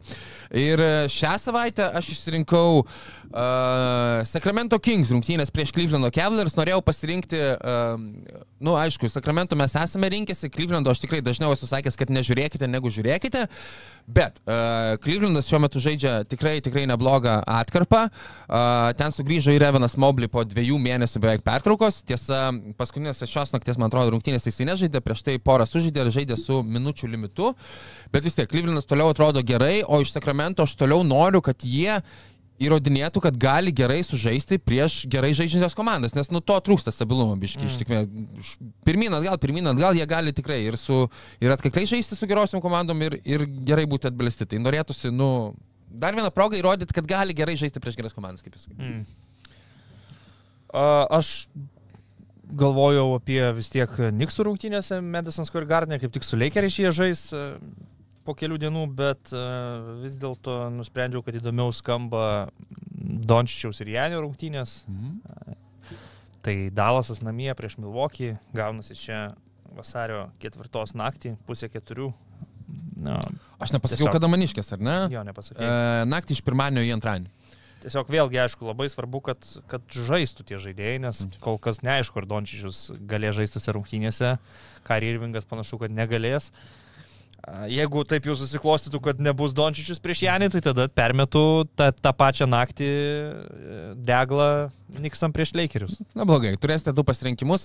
Uh, beje, gerai, kad užsiminiai, noriu tik tais pasakyti, daug komentarų tuo klausimu tikiuosi neturės rytis, nes aš neturiu, uh, bet praėjusią savaitę, kai laidą įrašinėjome, oficialiai tai dar nebuvo patvirtinta, dabar žinome ir be abejo matėme Doką Riversą treniruojantį Milwaukee Bucks komandą, kurią tu ir esi pasirinkęs savaitės rungtynėms. Uh, taip pat norėjau paminėti, kad Dokas Riversas pasisamdė ir asistentų Deivą Jėgerį, trenerį, kurį, na, pamenu iš Ki- Kings laikų, Memphis jisai buvo asistentų Ergos ir Erikos Polstros, nu visai atrodė. Jėgeris, sakai, asistentas. Senas geras Jėgeris, Jėgeris. asist, asistentas, ne? O čia asistentas būna dažnai. Pasistuoja. Asistuoja socialinėse situacijose, Jėgeris, pasistuoja. jo. Asis... ok, uh, ant suolo. E, O tai kokių rungtynių nežiūrėjau? O, blemba, nepasirinkau ryti, pasakyk Nu mums. tai žiūrėk, dabar einam greit per sąrašiuką. Kada žaidžia Vašingtonas ir Detroitas? Žiūri, atrasim. Nu davai, ką nors įdomesnio Ne, ne, ne, nu reikia tos degeneratus vis tiek iškelti į dienos šviesą. Pasižiūrėkime. Mm, Šiaip labai prastai skamba, tiesą sakant, va dabar prieėjau rungtynės Memphis Grizzlies prieš Chicago's Bulls. A, nu, Memphis ten iš vis nėra kam žaist. Vienu metu dar bezdėjo kažkokias pergalės, dabar jau, jau nustojo. Nu tikrai labai ten jau situacija jokinga. Su, Bet žaidžia atkakliai, reikia pasakyti, reikia Žaidžia atkakliai, kažką tai bando. Nu, Čikaga, I don't know, dėl to pleino, kaip ir atrodo, jie kovoja, pastaruoju metu truputėlį buvo geresnių atkarpų, bet e, neskamba kaip rungtynės, su kuriamis norėčiau praleisti porą valandų savo gyvenimo.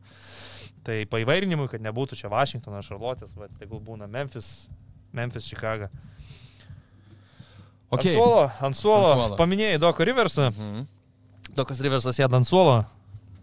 Buvo Damieno Lillardo sugrįžimo rungtynės į Portlandą, Taip. kurias Milwaukee Bucks pralaimėjo. Ir tose rungtynėse, rungtynių pabaigoje, Portlandas, gindamas trijų taškų pranašumą, baudavo varžovus. Tiesiog mhm. siuntė juos prie baudų metimo linijos.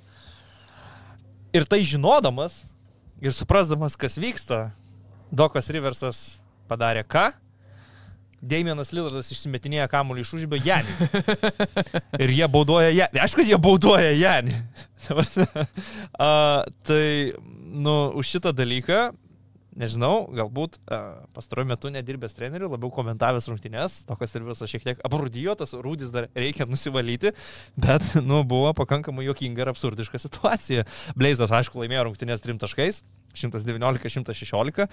Ir kol kas Doko Riverso pradžia su Milwaukee Bucks nėra labai jau sėkminga, o čia grinai už konkrečią situaciją, nu, turiu, turiu sodinti ant suolo, nes tai yra absurdas.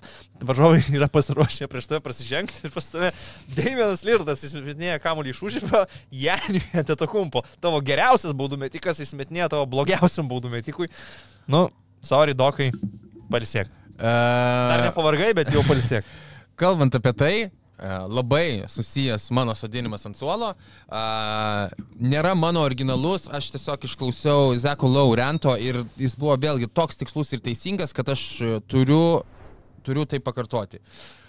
Nu, kas yra Janio Antetokumpų su baudom? Tai buvo situacija su Denverio Nuggets žaidžiant ir čia yra keli sluoksniai sodinimo ant suolo, kuriam e, svarbios baudos rungtynių pabaiga, jis vėl nesugeba per 10 sekundžių išsimesti metimo, jam yra sušilpam. Ten skaičiuoja visi, skaičiuoja vėl e, arenoje žmonės, e, announceriai Nuggetsų e, timerį pasiemė, skaičiuoja į, į transliaciją žiūrovams.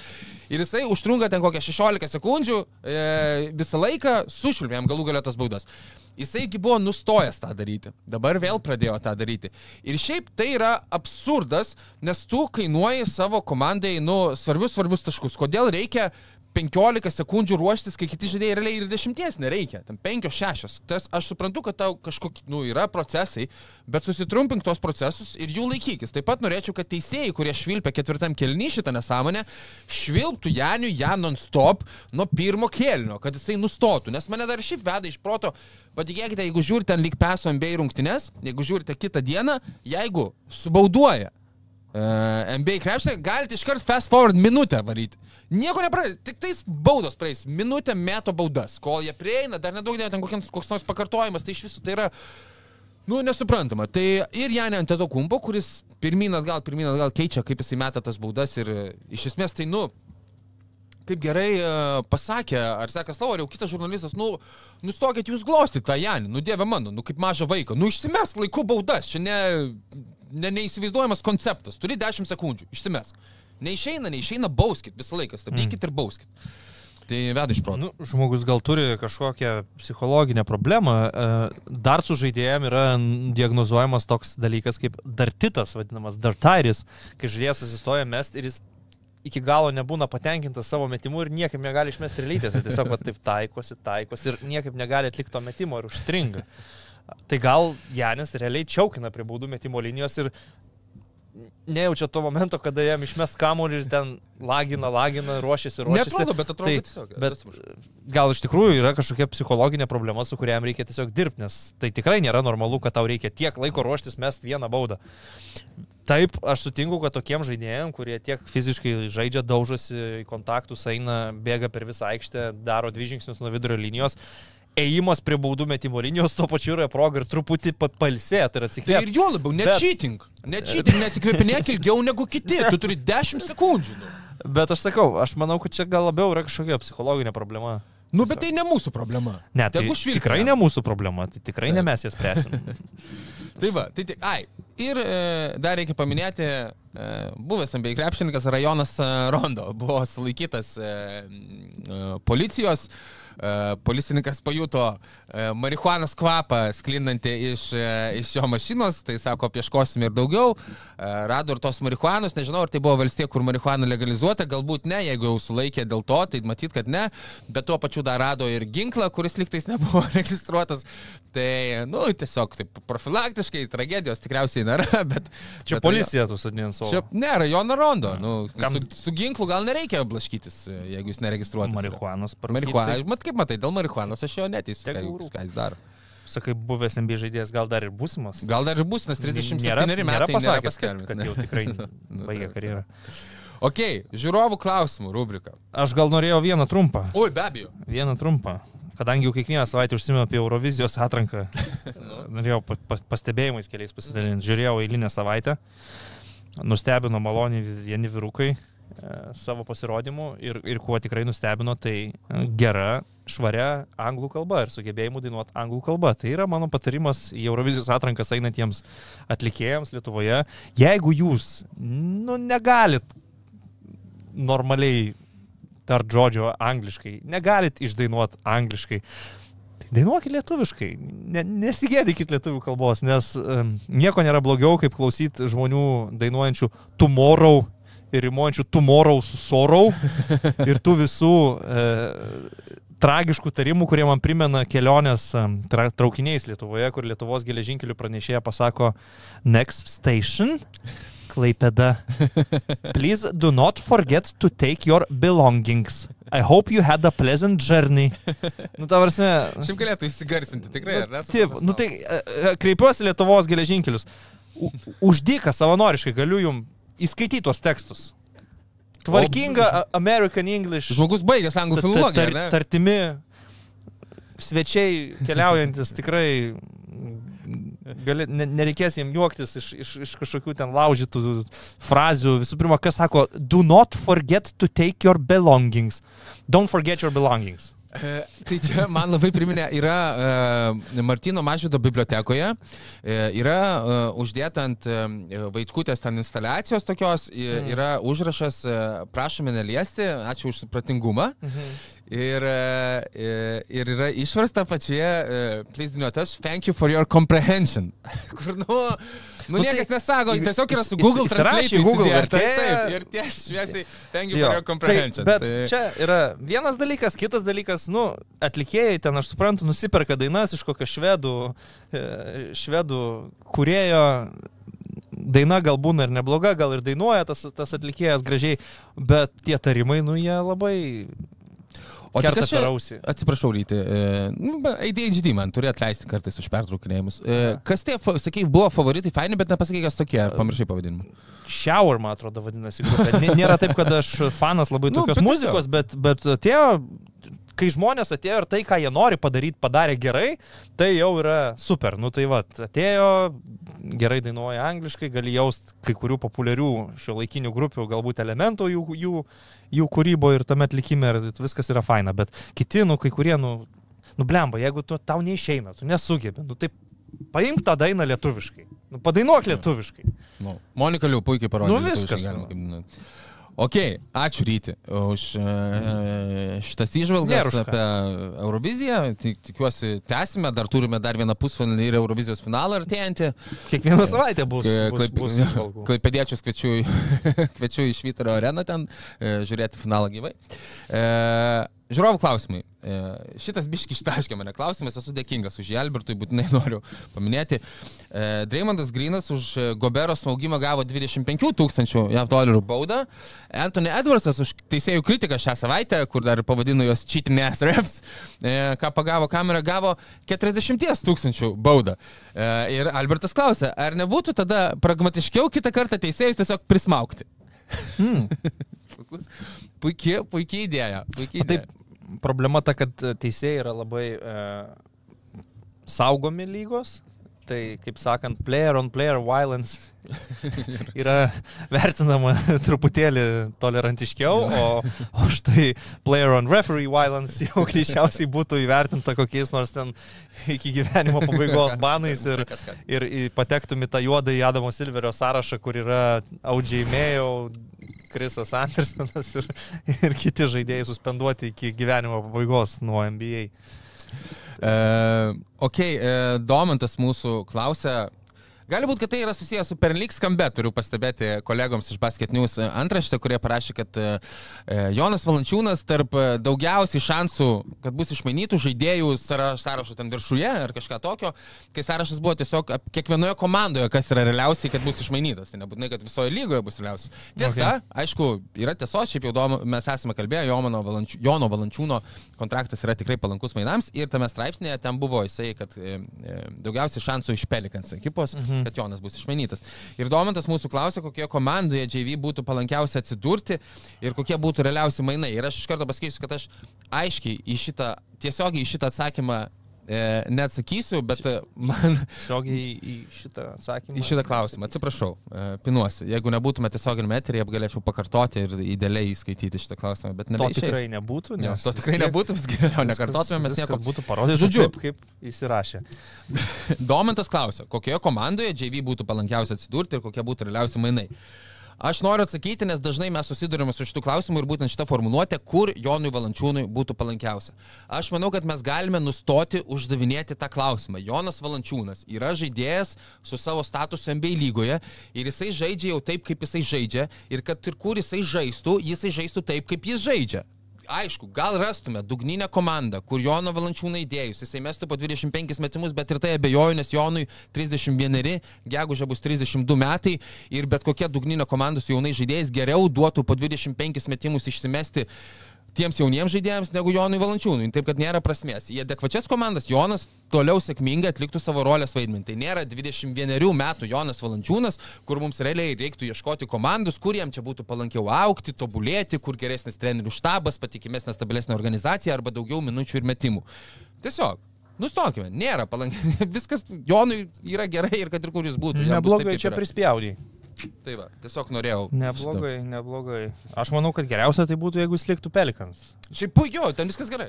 A, O šiaip jeigu mainyt, tai aš norėčiau, kad jis atsidurtų komandai, su kuria gali laimėti žiedus, bet e, nematau dabar iš tų komandų, kad, kad kažkas labai jau ten ieškotų būdų gauti Joną Valančiūną. Tai labai tik nenorėčiau, kad jisai kažkaip atsidurtų niekinėje komandoje. Nes su Pelikans vis dėlto, jeigu jie sveiki, kažką ten galima nu, nuveikti. Tikrai taip. E, toliau turime e, Osva 77, mūsų klausia, kiek per rungtynės mestų ir kokie stacijai būtų Lamelo Bolo LKL lygoje. Aš e, e, tą progą prisiminiau e, 2017-2018 metų sezoną, Lamelo Bolas tada aštuoniose rungtynėse su prienais pasirodė, rinko po 6,5 taško, 2,4 rezultatyvus perdimo ir 1,1 atkovoto kamuolio per 12,8 minutės. Tiesa, rungtynės su Kauno Žalgiriu per net 19 taškų. A, dabar, kaip atrodo dabar? Nu tai įsistat, įsistatykim dar sąlygą, kad žaistų už, už Jonavą, kur Jo, ten pas nėra, nėra žaidėjų. Pas virgi grįžta. Nėra žaidėjų, jie ten visų pozicijų krepšininkų dabar ieško ir ten žaidži po 36 minutės. Tai už Jonavą žaisdamas.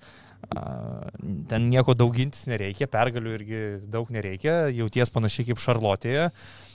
Tai laisvai kokį 25 taškų vidurkį kratytų. Nematau priežasčių, kodėl ne.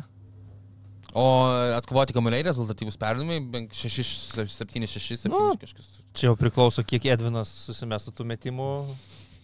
Kiek, kiek ne, tai. nu, Ne, nu, virintų, ge- virintų gražią statistiką. Jo, Jonavos klubas nuo to turbūt turnyro lentelėje kažkur labai nepakiltų, bet graži būtų tikrai statistika, daug pamatytumėm highlightų visokių. Nu, tai va. Um, Augis Baugis mūsų klausė, šiaip uh, irgi uh, du klasikiniai klausimai šią savaitę. Uh, nu, šitas netoks klasikinis kaip Jonas Valančiūnas ir, ir jo uh, galimos mainų vietos ir komandos, bet šitą tikrai atsimenu, uh, kad klausė žiūrovai kars nuo karto ir man patinka jį atsakyti. Ir klausimas yra, ar CJ McCollumas, uh, kuris niekada nebuvęs uh, All-Starų, dažnai renkan- renkantis po 20 taškų vidurkį, nėra underrated. Ir aš mėgstu visą laiką paminėti, aišku, paskutiniai du sezonai kartais jam ypatingai įstrigę yra momentai, kai, kai jisai turi pataikyti, jisai nepataiko, e, atstovaudamas Pelikans ekipą ar kažkur pradingsta, bet šiaip ilgus metus aš visą laiką sakydavau, kad myliu ir mėgstu CJ McCollumą ir man taip jis yra underrated, jis yra turėjęs puikių, puikių momentų su Portland Trail Blazers atkrintamosiose, kai Deimas Lillardas jau nebepaveždavo ir jisai ant savęs pasimdavo kaldrutę, šiaip man yra smooth jo metimas, e, braižas. Gal nėra idealu jam būti tiesiog e, vos ne besigauna pagrindinių žaidėjų pelikanų gretose ir tada na, nukenčia tas jo, uh, ta jo rolė, kurią jisai darydavo, tarkime, tarkime Portland'e. Gal dėl to netaip įdėlė atrodo, bet šiaip tai CJ McCollumas man tikrai labai patinka ir yra clutch gan žaidėjas ir protingas žaidėjas ir uh, labai gerai mintis dėliojantis, labai geras interviu. Uh, Aš manau, kad jis nėra underrated. Kaip tik labai neblogai vertinamas. Man Nu, jis, man jis yra iš kategorijos žaidėjų kaip Jasonas Terry, Džemalas Crawfordas, kurie gal ir nebuvo All-Starai, bet tu žinojai, kad tai yra labai geri skoreriai, labai gerai žaidžiantys savo komandose. Makalmas nėra nuo suolo einantis žaidėjas, kad jau čia paminėjau, tarkim, Jasoną Terry, bet kažkas į tą pusę 20 taškų vidurkio krepšininkas nemažą dalį karjeros praleido būdamas Dynamic Duo su, su Deimu Lillardu. A, Aš nemanau, kad jis yra underrated, aš manau, jis yra ir pakankamai pastebimas ir minimas, o dėl patekimo All Starus, nu tai patys matot, kaip ten yra sunku patekti ir, ir, ir nu vietoj ko tu ten makalumą galėtum įsivaizduoti šiuo metu, tai turbūt e, objektyviai viskas yra teisinga. Na, okei, okay, ir pabaigai uh, mūsų žanro klasika, Start Bench Cut, nebent sulauksime dar uh, klausimų tiesioginėje transliacijoje, bet paskutinis, matau. Tai gali būti ir e, replikų, Gali tik būti replikų, bet aš visų, visų tų replikų nesuskaitysiu. kritikos. E, Bartas va, sako, kad e, ta grupė vadinasi John's Shower Band, bet gal susitrumpina Eurovizijai Shower. E, Vitalijus Indriūnas sako, o ko šitas alkoholikas taip dreba, bet nežinau, ką jisai turi omenyje, ar mane, ar tave. Mane gal, bet uh, aš mėgstu linksėti galvą, man uh, rankos dreba va taip ištiesus visą laiką nuo, nuo mažens. Man tai, dreba šiaip ką aš žinau, turiu. Ir aš, ir aš tai aišku visą laiką prisigalvoju, kad čia man Parkinsonas Ne. suprasi. Nu, come on, seniai. Tokia, tokia, Susimk save tokia mano žan. Ne, nu tai jau turiu, žinai, supranti, deficiency smegenyse. Tai e, Levignas, gal blemba, ne taip užsirašiau, atsiprašau, bet e, žodžiu, mūsų be abejo e, žanro klasika yra Star Bench Cut ir šiuo atveju tai yra Jonas Toktonas, Steve'as Nešas ir Jasonas Kidas. Turime vieną čempioną tik tais čia. Jo, bet tas, tas tai man čia mažiausias Mhm. argumentas. Startuoju su Steve'u Nešu. Man atrodo, kad tai yra e, akivaizdžiai blogiausias žaidėjas gynyboje iš šitų trijų, bet e, kalbant apie polimą, ne, neturi trūkumų. Tarkim, nu, Jasonui Kidui trūksta geresnio metimo, ypač šiandieniniam krepšinėje, jam iš pick and roll atakuojant, tai būtų labai sunku su tuo. Uh, Nu, stacionarių pozicijų sezono karjeros Nu, pabaigoje galėjo. Apie, apie ką mes kalbam, stacionarių pozicijų, mes čia turbūt renkame žaidėją, kuris bus pagrindinis atako organizatorius mūsų, komandai. Tai nešas tikrai geriausiai metantis iš pick and rollų, turintis tą visą paketą flauteriai, runneriai, nuo vienos kojos metimai, nuo lentos, praėjimai, tie visokie scoop shots, finger roll, abiem rankom. Tai Nuo netos kojos. Jo, nu, jo. neteisingos mm. kojos, tie metimai. Tai Steve'as Nešas, man atrodo, apstatyčiau jį gerais atletais, gynybiniais labiau žaidėjais, kad nebūtų problemų su juo startuočiau. Tada dėl suolo, nežinau, man Jasonas Kitas vis dėlto labiau patinka už Johną Stocktoną. E, Man irgi ir, ir žaidimo prasme, ir, nu, Aš net nesiveliu tai, kad Tai jo, Stocktonas nevelkim, dabar čia kalbėdavo, jo, darydavo. jo. Aš tik galvoju, kaip, Aišku, Jasonas Kidas kaip, irgi kaip turi jie žaidė. už klasinės veiklos ne kažką. Kidas labiau, labiau gal mano laikų žaidėjas, nes, kai Stoktonas jau nueidinėjo, Kidas dar buvo New Jersey Nets Mhm. veidas. Bandau su Jasonu Kidu. Gin, ginasi Kidas puikiai, turi tikrai gerą tą dydį, perdavimų atlikimas pasabų, ten neįtikėtinas. Kido man tie per petį pasai, tai iš vis kažkas tokio, ten Vinsui Carteriui, mm. Richardui Jeffersonui, kokiu jis paduodavo. Uh, Stoktonas ant suolo, bet šį kartą buvo sunku apsispręsti tikrai. Uh, Aiva klausia, Rycha, kiek Nanas sušers e, žalmargiai šiandien?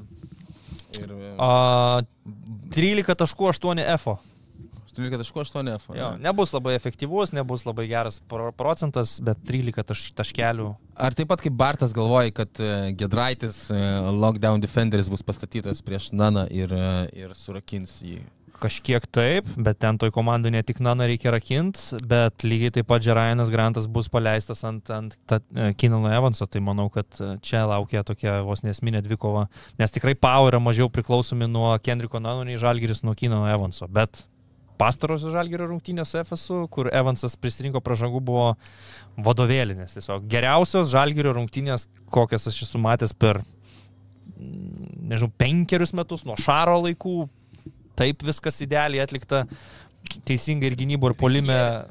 Iš tikrųjų, iš tikrųjų. Va, bet rinkėri, tai atsimenu puikiai, kodėl su bankero negaliu atsiminti. Va, Va, va, nu, va, tau, turėt šitą, šitas va, jau turėt turi šitą, tikrai jo, strikt. Rinkėris. Rinkėri, bankero. nu, va, teisingai. Jo, iš tikrųjų, jeigu Žalgeris, va, pernai sužaisdavo labai gerų rungtynių, bet aš jo žiedavau, toks būdavo labiau, nu, toks, toks širdies, toks dvasios krepšinis. Išdirbo. Nu, t- dvasia, va, širdis. Tai dabar su FSU mačiau grinai viskas apskaičiuota, apgalvota, kur atakuoti, kaip ką daryti. Nebėra jokių biručio 9 sekundžių centravimų, jis išnaudojamas, taigi kamolį gauna veidų krepšį, tie mini flauteriukai dešinė ranka, kamolys juda. Nuostabu, kiek jau sugebėjo atrinkėri dabar padaryti iš tos komandos. Ir žiūrėsim, kas bus toliau, bet tokį žalgerį žiūrėti man labai patinka. Ir e, tikrai, pabaigai, e, žinau, kad e, turi būti džiugios žinios tau. Čia faktas jau yra, kad į GAU3 grįžta e, čempionų lyga ir visa kita. Galėsi komentuoti savo ramiai futbolą. ar Ne? Kol kas nieko negaliu komentuoti, nežinau, Ai. kaip tai atrodys, kaip tai vyks. Ir, ir, ir, ir. Neaišku dar, ar ne? Na, nu, ta prasme, yra naujiena, tiek, kiek oficialiai yra išplatinta, tiek žinau ir aš kol kas. Ok, tvarkelė. Ačiū, kad žiūrėjote, susitiksime kitą savaitę. Ate. Iki. Bet Safe Casino. Dalyvavimas azartiniuose lošimuose gali sukelti priklausomybę.